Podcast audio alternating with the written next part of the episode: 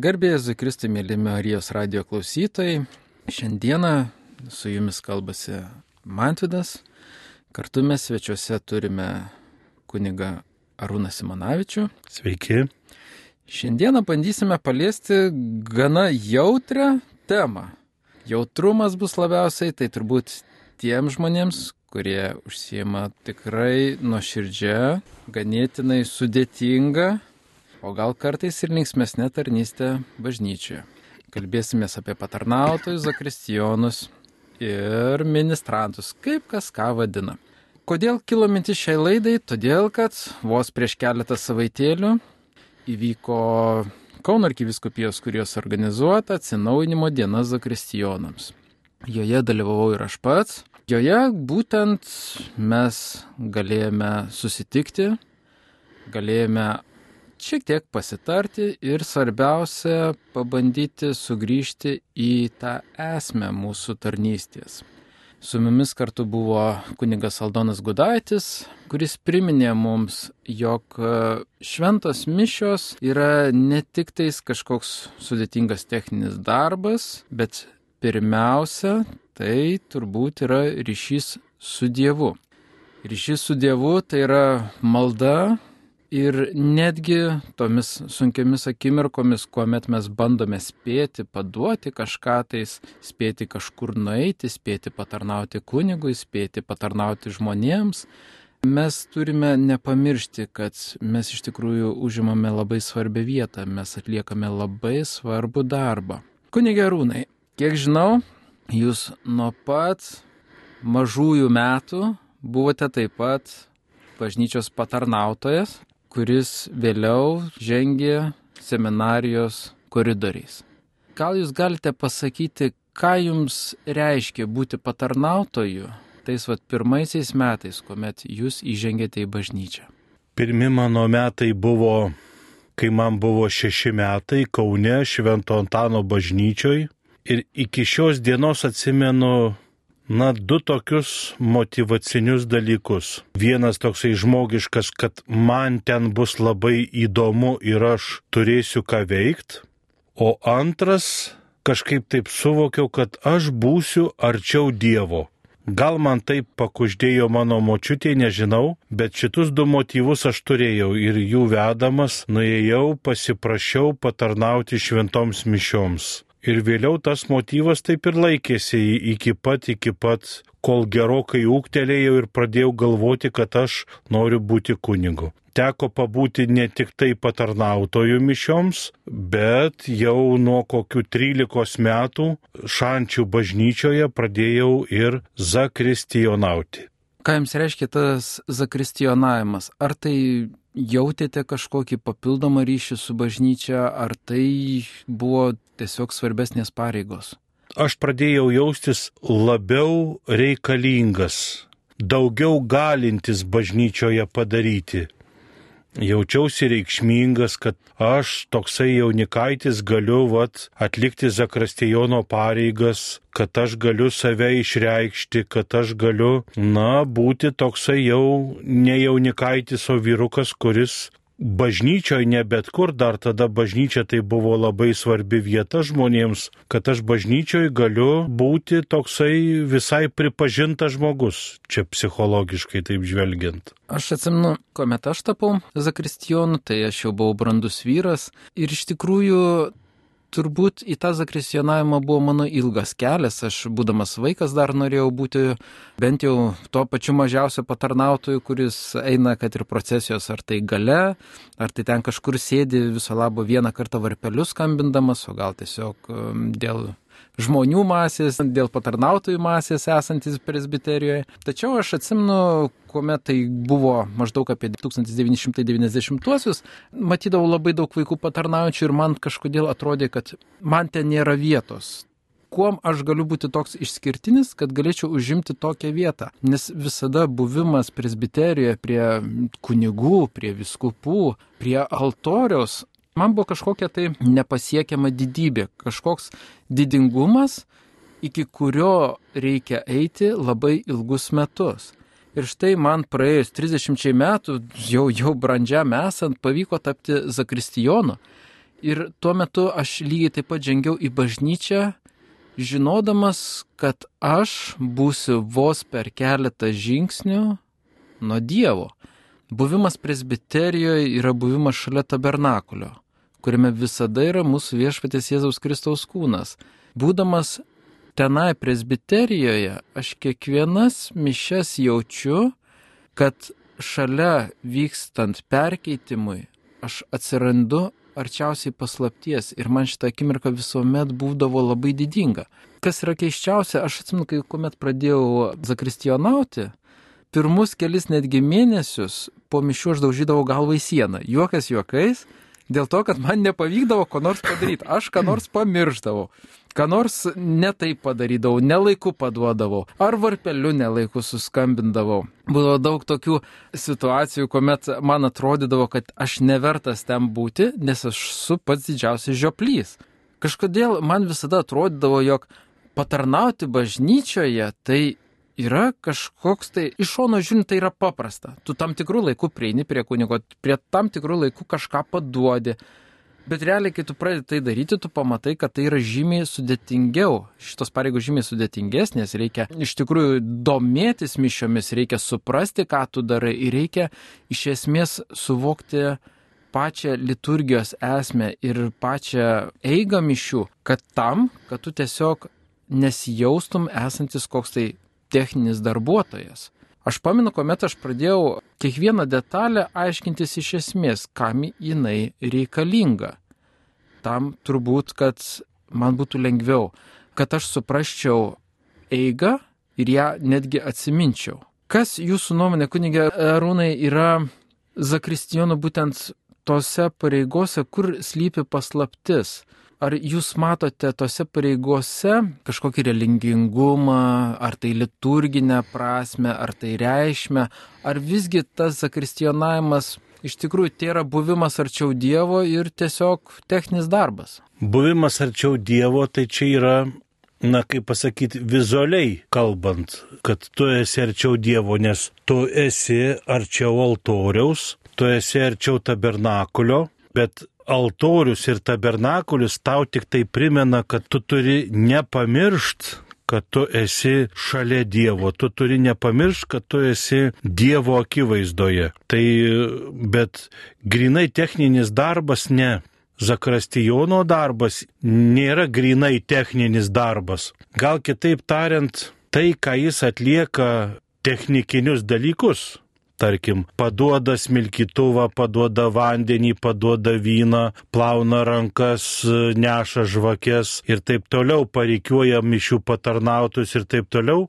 Tas visas, ką mes vadiname technikinis darbas, tai yra Zakrastijono malda mišiose. Tie visi jo veiksmai tai yra Zakrastijono malda. Zakrastijono, taip vadinkime, Zakrastijono apėgos kunigas atlieka va vienas apeigas, žmonės atlieka kitas apeigas, zakrastijonas atlieka kitas apeigas ir jos visos tarp savęs dera, visos apeigos viena kita papildo, kunigo žmonių, zakrastijono apeigos, viskas vienas kitą papildo. Yra nelaimė, jeigu zakrastijonas, o žinoma nelaimė, jeigu ir kunigas arba žmonės pradeda į viską žiūrėti kaip į technikinį to technikiškumo neišvengs, žinoma, jisai turi būti, jį reikia išmanyti, jį reikia mokėti, bet jisai turi būti atliekamas su apieigos prasmės apmąstymu ir, ir tada atliekant patį technikinį, nu, kaip mes dabar taip pradėjom vadinti, technikinį veiksmą arba pavadinkim apieigą atliekant. Bet jeigu Zakarastijonas netliks savo apieigos, tai tada kunigas negalės atlikti savo apieigos. Nepaduosit kunigui vyno, kunigas vyno neįpils į taurę. Na taip, mes juokiamės, kad čia techninė dalis, e, iš esmės nu, taip. E, tai yra fiziniai veiksmai, tai bet kuriuo atveju kaip ir liturginė dalis, bet vis tiek dažniausiai būna darbo. Tas ir yra keščiausia, kad bendraujant su kitų parapijų zakristijonais galima atskirti netgi labai dažnai, kuomet e, zakristijonauti tenka miesto arba kaimo bažnyčioje. Iš tikrųjų, kaimo bažnyčia, kuomet personalo aptarnaujančio, būtent ir tarnaujančio būna mažiau, jo yra trūkumas, tai zakristijonui tenka būti turbūt kai kuriuose netgi mišiuose atlikti labai daug vaidmenų. Tai žinoma, turi pasirūpinti bendrai tais pačiais, sakykime, tais techniniais dalykais, vyno padavimais, vandens padavimais, rankų nuplovimu, žvakių uždegimu, bet tuo pačiu turi pasirūpinti ir žmonių prieimimu, kartais e, turi ir atsakinėti už žmonės, ypač šiolaikinėse mišiuose, kuomet tikinčiųjų tikrai yra sumažėję labai dažnai susirenka į mišes iš tikrųjų jau mažai tikinti žmonės, jau nelabai žinantis mišių tvarkos. Daugelis jų kalba, kad iš vis tokios tvarkos jau ir nebūtina žinoti, kad Dievas juos supranta, girdi, todėl kuomet yra konkreti struktūra mišių, tenka pačiam zakristijonui atlikti kai kurias e, vietas, kai kurias maldas, kai kurias galbūt netgi gesmes, jeigu yra gėdantis zakristijonas, už pačius maldininkus. Kaip e, Jūs galvojate, ar tų dabar pareigų zakristijonai yra mažiau negu buvo, sakykime, Jūsų zakristionavimo laikais? Zakristijono pareigų yra jų tiek, kiek buvo senovėje ir tiek, kiek yra dabar, tai jų yra vienodai. Skirtumas tas, kad dabartinių laikų zakristijonas labai dažnai prisijima labai daug pagalbinių funkcijų kai kada atlieka pavyzdžiui ceremonimeisterio funkcijas, kai kada atlieka diakono funkcijas, kai kada atlieka parapiečių funkcijas. Pavyzdžiui, kunigas pasako viešpat su jumis, tai žmonės nežinodami, ką ten daryti, ko jie čia atėjo, tyli, o Zakristijonas tada atlieka žmonių tarnybą ir atsako už žmonės jų maldas. Na, kartais, o dabar dažniausiai mišios atrodo, kad mišiose dalyvauja du - kunigas ir zakrastijonas. Žmonės dalyvauja mišiuose kai kada, kai kas moka, kaip kam pasitaiko. Tiesa, reikia pažymėti, kad būna kartais tokių mišių, kuriuose ir zakrastijonas nedalyvauja, nes jisai atlieka tik tai funkciją. Atnešė, padavė, nutrenkė, padėjo, išėjo, ir tu klebonė čia žinokis, kaip tau reikia. Na, bet teisybės dėliai reikia pasakyti, kad kartais mišiuose nedalyvauja ir pats kunigas. Jis irgi atėjo, padėjo, pasakė, ką jam reikia, nežiūri, ar ten Zakrastijonas dalyvauja, ar nedalyvauja, jis atėjo, padarė savo, jų savo nemoka, tai nereikia ir iš viso šito gaunasi nu toksai cirkas. Iš tikrųjų pritariu dėl cirko ir, ir dėl e, skirtingo apskritai mišių aukojimo. Na, tikrai teko pastebėti, kad skirtingi kunigai skirtingai aukoja mišes ir va ką aš galėčiau įskirti, iš tikrųjų tos vat, mišios, kuomet zakristijonas ar tai patarnautas gali išlikti maldoje ir labiau susikaupti tam susitikimui, dialogui su Dievu, o ne tiesiog bandymui atspėti arba spėti kažką tais paduoti, atspėti, kada ką reikės daryti. Turbūt tada, kuomet mišios iš tikrųjų yra aukojamos ganėtinai lietai, ramiai ir iš tikrųjų melžiantis. Kuomet yra skubinama, kuomet yra lekiama kažkur, kuomet yra maldos greitai sakomos, tenka iš tikrųjų labai susikaupti ir stebėti, ar tu spėsi kažką paduoti, kam reikia ruoštis. Ir iš tikrųjų yra toks grinai gyvenimiškas pavyzdys, man teko patirti, kuomet kai kurie kunigai iš tikrųjų bando skubėti, jie turi daug pareigų. Ir automatiškai tos mišės tampa kažkokia isterija, tokia bėgiončia, kad ar tu spėsi, ar nespėsi ką nors atlikti. Vargonai arba spėja, arba nespėja paskui groti, žmonės vieni stojasi, kiti klaupia, treti jau sėdi, ketvirti jau pro duris eina ir gaunasi iš tikrųjų chaosas. Tuo tarpu, kuomet mišios yra neskubamos, aukojamos, joms yra paskiriamas pakankamas laikas ir kunigui tikrai nereikia niekur skubėti, pastebėjau, jog tuo metu Zakristijonas iš tikrųjų, ar tai Zakristijonas, ar patarnautojas, ar visa komanda jų iš tikrųjų gali neskubėdami, atsipalaidavę, prisiminti, kur jie yra, klausytis, kas yra kalbama, kas yra sakoma kas yra skaitoma ir iš tikrųjų tuo metu tu girdi tuos tekstus. Kitas klausimas, e, pavyzdžiui, irgi teko susidurti su kitais zakristijonais, kalbant, kad e, galbūt e, iš tikrųjų nėra to stipraus netgi tikėjimo pas kai kurios patarnautojus ir jiems netgi galbūt tos mišios neįtakoja jų, tarkime, dvasinio gyvenimo. Klausimas, ką tokiu atveju daryti, kaip save pastiprinti. Ar buvo pas jūs, tarkim, toj tarnystėje patarnautoje, kad jūs suabejojo tikėjimu? Na čia apibendrinant šitą dalyką reikia suprasti visada vieną tokią, nu, kaip čia pasakyti, vieną vientisumą, vieną dalyką, kuris yra nekintamas niekada istorijoje, liturgijos istorijoje. Jeigu nori, kad Zakrastijonas ir mišių patarnautojai būtų, pavyzdžiui, pamaldus, tai turi būti pirmiausiai, turi būti pamaldus kunigai, kurie toje parapijoje dirba. Jeigu nori, kad Zakrastijonas ir mišių patarnautojai viską darytų gražiai, tai turi viską daryti gražiai klebonas su kitais kunigais. Nes Zakrastijonas gali būti labai aukštos kokybės asmenybė gali būti tvarkingas, gali būti pareigingas žmogus, pamaldus žmogus, bet ne jis duoda visą pradžią liturgijai mišių. Ir jo tvarkingumas matysis, kad jis žmogus tengiasi būti tvarkingas, bet jei kunigas yra sutrius, jei kunigas yra bedievis, jei kunigas viską daro atmestinai, Zakrastijonas su patarnautojais, čia galim patarnautų ir neminėti, nori nenori iš konteksto iškris. O kai mišiuose iškrenta kontekstas, kai mišiuose išsiskirsto detalės, pradedi matyti, kad paprastai tariant žmonės sako, mišios buvo negražios. O negražios tai čia gaunasi kokybiška prasme. Tai aš noriu pradžiai pasakyti, kad ne nuo Zakrastijono priklauso, mišių liturgijos mišių apieigų kokybė. Nuo kunigo priklauso. Aišku ir nuo zakrastijono, bet dažniausiai yra taip.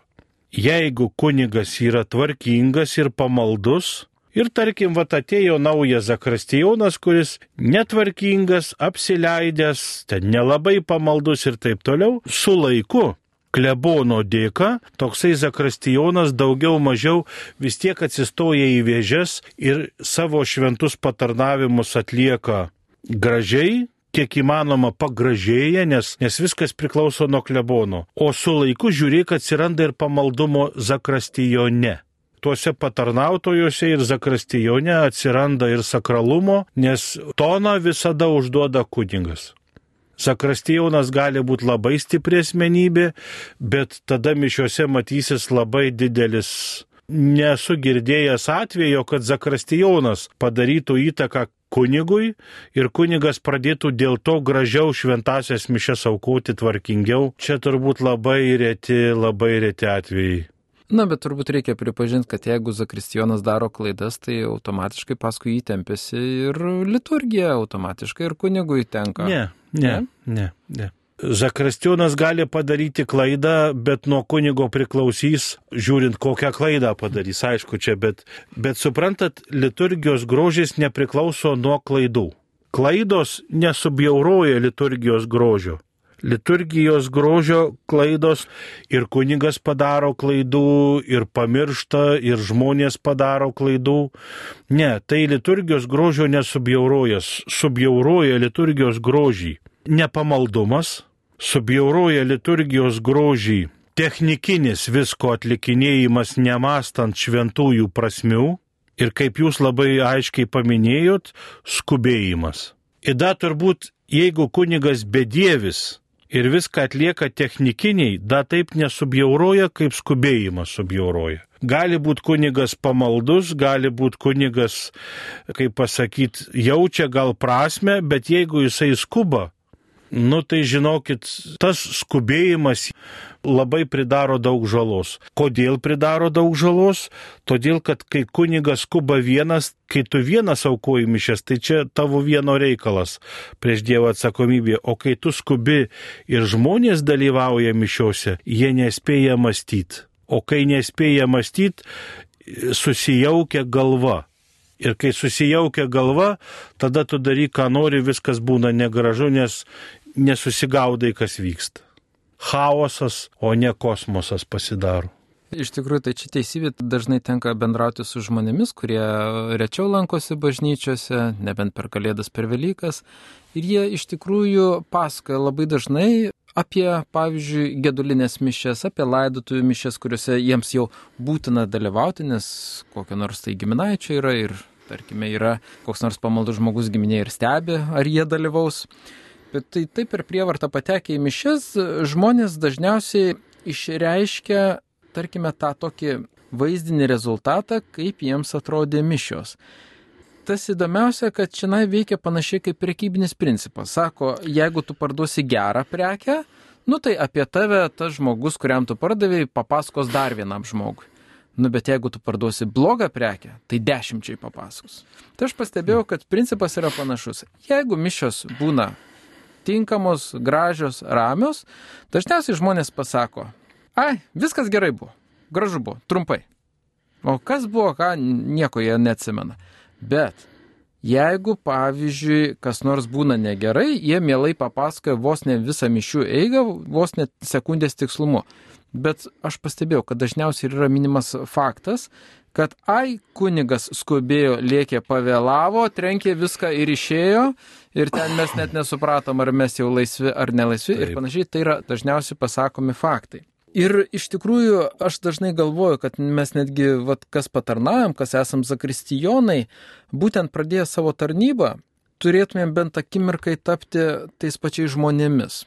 Kad galėtume atsistoti gale bažnyčios, pabūti tuo nepamaldžiuoju mišių dalyviu ir iš tikrųjų pažiūrėti, kaip atrodo vaizdas priekyje iš tikrųjų labai puikus savikontrolės ir savikritikos taškas yra būtent savęs stebėjimas iš šalies. Kai savęs negali, tuomet yra geriausia stebėti kitus. Žinoma, kaip be būtų gaila, bet kritikuoti visada yra lengviausia kitus. Ir iš tikrųjų aš e, būtent pradėjęs zakristijonauti, e, žinoma, eidavau ir į kitas mišes, kuriuose buvau tik tai maldininkas, e, bet kuriuo atveju. Ir pasitaikė proga stebėti priekį.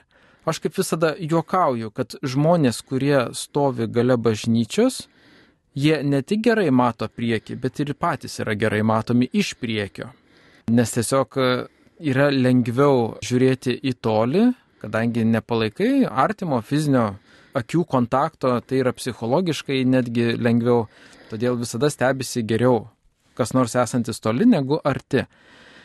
Todėl presbiterija ir kunigas su patarnautais idealiai matosi. Ir šioje vietoje, bet kuriuo atveju, suprantama, kunigas turi daugiausiai darbo presbiterijoje, daugiausiai pareigų, jis daugiausiai atlieka veiksmo, tai yra aukos liturgija, evangelijos skaitimas, gal netgi kartais, jeigu nėra tinkamo skaitovo ir likusio Dievo žodžio dalių skaitimas, kunigas visą laiką užsiemęs. Tuo tarpu jo pamokslo metu patarnautojai ir zakristijonai dažniausiai sėdi ir laukia pabaigos. Štai čia būna ko gero įdomiausia vieta, kuomet pasižiūri, kaip yra klausomasi Dievo žodžio. Ir dažnai ne Dievo kunigo, žinoma, veikiančio per šventąją dvasę. Ir kai mes dažnai kalbame, kad maldininkai bjaurybės neklauso pamokslų žiovojo kalbasi, labai dažnai reikia susimastyti, ar patarnautai nesielgia taip pat iš tikrųjų nekartą matęs, kuomet yra žiovaujama, kuomet yra kalbamasi, kuomet e, dar kas nors yra daroma fiziškai, ar ten koks batas pasivalomas, ar dar kas nors. Nors realiai, būdamas presbiterijoje, tu esi kaip televizoriuje. Tu idealiai matomas.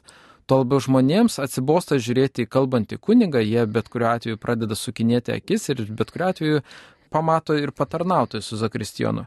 Štai šioje vietoje aš pažvelgęs iš šono į kitus, aš supratau, kad aš iš esmės esu pamaldaus žmogaus pavyzdys. Ir kad tai, ką darau presbiterijoje, turi būti pavyzdžių ir kitiems maldininkams. Aš negaliu turbūt žiovauti, taip duodamas pavyzdį, tuo labiau pretekstą, kad ir apkalbėjimams, dėmesio žmonių patraukimui, arba tiesiog kitaip rodyti savo abejingumą toms mišioms, prie kurių aš turiu galimybę prisiliesti. Jeigu aš ir prieš tai minėjau, kad e, tai yra labai didinga būti taip arti to didžiojo stebuklo, aišku, negalima taip mistifikuoti aukos liturgijos, tačiau bet kuriuo atveju mes jau esame arčiau Dievo, mes tengiamės dėl jo, mes savo laiką skiriame būtent Dievo garbinimui. Ir štai tada klausimas, ar mes galime save taip, kaip čia pasakius, kritikuoti kitų akivaizdo, ar mes galime rodyti blogą pavyzdį. Na, jeigu gerai suprantu, ko klausite, tai man atrodo, kad homilijos e, atveju Zakrastijonas ir patarnautojai negali išvengti to, ko neišvengia ir kiti žmonės. Paprasčiau tariant, jeigu kunigas sako nepasiruošęs homiliją, jeigu homilija yra 5 km ilgio, plus tokie pateisinantis dalykai, tarkim, žmogui gal nemiga buvo. Nu, kalbam apie Zakrastionus, tai tai tarkim Zakrastionas nemiegojo ilgai, labai gal blogai miegojo, gal sveikata prasta ir taip toliau. Ir jisai dėl to žiovauja, e, jisai dėl to snuduriuoja, jam dėl to labai sunku susikaupti, sunku ramiai sėdėti. Na tai čia galima išspręsti, reikia žiūrėti, kaip susidėlio dienotvarkę šeštadienį, bet aš čia Zakrastijono ir patarnautojų nebūčiau linkęs labai daug kaltinti ir sakyti, kad vai pasitemkit. Per homiliją yra nori, nenori, netaip lengva pasitemti. Reikia mokėti ir pratimukų sėdėjimo, pasitempus nugarą sėdėti reikia mokėti, reikia mokėti susikaupti, reikia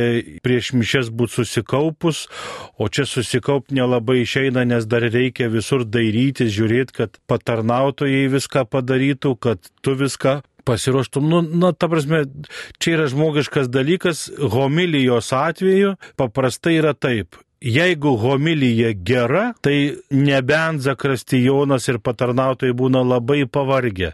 Nu nebent.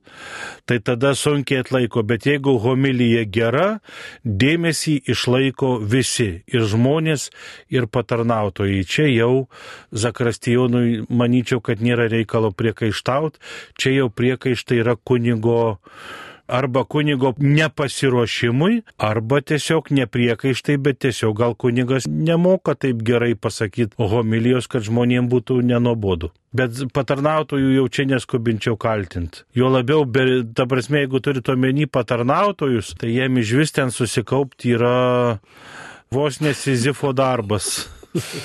Suprantama, bet kažkaip tai turbūt reikia tada rasti jėgų ir tada galbūt e, jėgų rasti maldai, ar ne? E, kaip Jūs galvojate, kaip galima, tarkime, Zakristijonui, gal jum, jums taip buvo pasitaikę, kur jūs galėdavote rasti maldingumą mišių metu?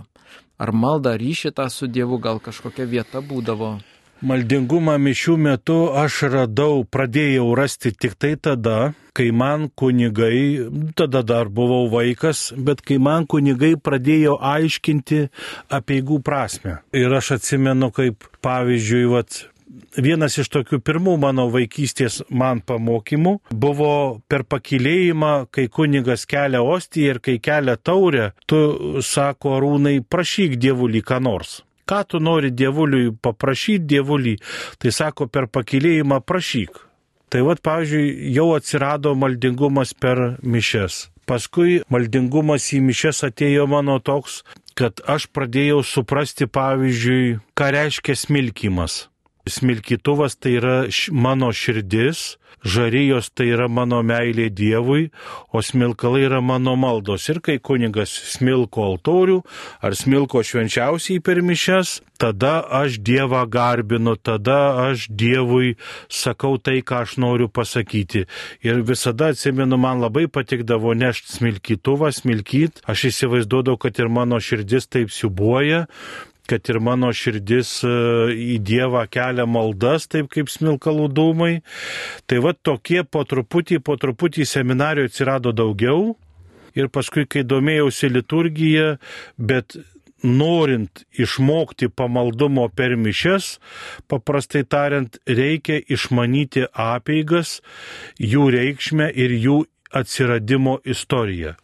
Aš būtent taip atsimenu ir pradėjau tą kelią iš tikrųjų, kuris man padėjo galbūt labiau pažinti liturgiją, gal ir jau taip atrasti tą maldingumą mišiuose būtent per liturgijos pažinimą. Ir iš tikrųjų aš pritariu Jums, tarkime, dėl tos simbolikos. Simbolika labai uh, mums padeda rasti prasme tose apieigose.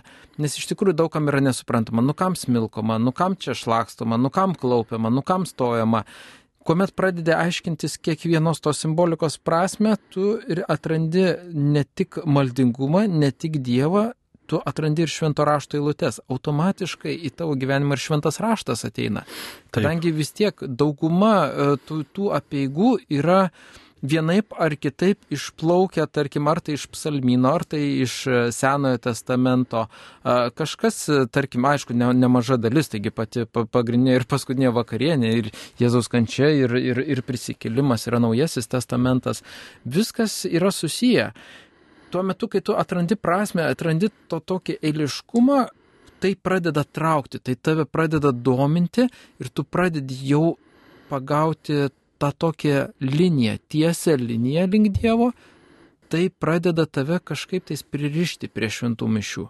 Tu pradedi jau jausti ne tik save, ne tik savo būti, bet ir aplinkinių žmonių visos bažnyčios būti. Ir žinoma, bažnyčios galvos. Tu pradedi jausti patį Kristų. Aš galima įsiterpsiu, man e, būdavo kažkada išmetė tokią, atsimenu frazę, jinai tokia keistai skamba, kad kai kunigas aukoja mišes, nu taip tada įsireiškia taip, kad nori, nenori, Dievas privalo tapti ta duona ir vynas, Dievas privalo paversti tą duoną savo kūnu ir savo krauju vyną, bet kunigas, nu, tarsi priverčia žmogų, tarsi priverčia Dievą dalyvauti savo gyvenime. Aš ne apie tai noriu kalbėti, aš noriu kalbėti apie tai, kad man su šita fraze kažkaip atėjo supratimas, kad aš kai buvau klapčiukas, buvau patarnautojas mišių, zakristijonas, kai buvau, kad mano visi veiksmai tai irgi yra dalyvavimo, jie nėra technikiniai, kad jie yra tikri veiksmai. Aš atsimenu, man kunigas vieną kartą, kunigas Aleksandras Ramanauskas išaiškino, sako, rūnai, tu mišiuose ne man plauni rankas, tu plauni Jėzui rankas. Kada tu ne man vyną paduodi, tu paduodi Jėzui. Aš tada supratau, kad tai, ką aš vaikas arba jau zakrastijonas vėliau atlieku, tai nėra žaidimai. Nors liturgija yra laikoma žaidimu, tam tikrą prasme taip ir yra, bet kad tai yra veiksmai, kurie yra tikri, kuriuos tuos veiksmus aš atlieku kartu su Dievu. Ir, ir man tai būdavo įspūdis, e, žmonės labai neteisingai supranta žodį sim, simbolika. Nes jie įsivaizduoja, kad simbolika Tai yra maždaug taip, simboliškai kažką padariau. Tai padariau kažkokį netikrą daiktą, kuris žymi, nu kažką. Ne. Simbolika tai yra, kai aš gyvai užmesgu santyki. Ir jeigu aš e, atnešiau kažką, ten pavyzdžiui, žmogui palaikiau lėkštutę per šventą komuniją, Tai čia nėra taip, kad veiksmas šiaip aš atlieku meilės patarnavimą, myliu savo artimą žmogų ir myliu Dievą, kad jis nenukristų ant žemės, bet kad jisai būtų, jeigu jisai iškris kunigų iš rankų, kad jis pagarbiai ir tvarkingai. Tai aš supratau, kad e, viskas, viskas turi savo prasme ir kad aš apieigose esu ne tam tikras kažkoks tai na, technikinis simbolinis žaidėjas, bet aš esu gyvas dalyvautojas visame tame veiksme, kad aš jame gyvai dalyvauju, kad aš duodu Jėzui, aš duodu žmogui, aš bendrauju su Jėzum, bendrauju su žmogum. Ir be manęs, mano vieta tai yra svarbi, be manęs jiem būtų labai sunku. Aš kaip tik atsiminiau, kuomet dar šiemet e, pavasarį, būtent didį šeštadienį prieš pat um, Velyknakčio mišes, prieš Vigilijų motiną tikrąją, organizavau patarnautojų kursą. Tuo metu susirinkę 11 berots vaikų pas mane iš tikrųjų atrodė labai taip įdomiai. Iš pačio ryto jie buvo padykę, jiems niekas kaip ir ne, jie atėjo kaip į kažkokią atrakciją, kur gali būti nuobodu.